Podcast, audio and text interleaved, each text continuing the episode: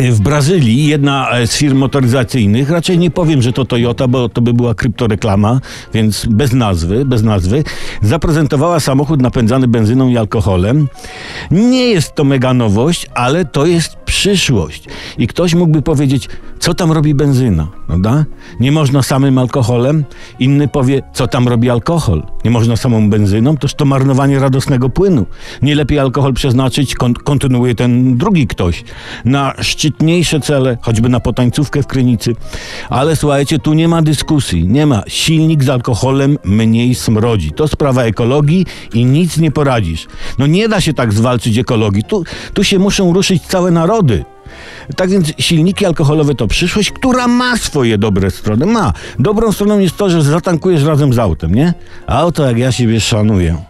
Sam sobie zrobisz paliwo, w sensie upędzisz, prawda? Tanio. A jaki smog spalinowy w miastach będzie smakowity, no? Zanim dojdziesz do knajpy, już będziesz gotowy, a to znaczne oszczędności. Nie będziesz w pubie musiał pić, nie? Pokiwasz się tylko na stołku, powkurzasz barmana i do domu.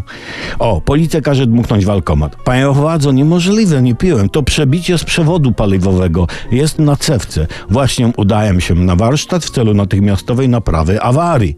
No a przede wszystkim, słuchajcie, dzięki autom na alkohol został rozwiązany znany dylemat słynnego filozofa Zenona z Sanepidu. Lać w mordę czy do baku? I wychodzi na to, że i tu, i tu.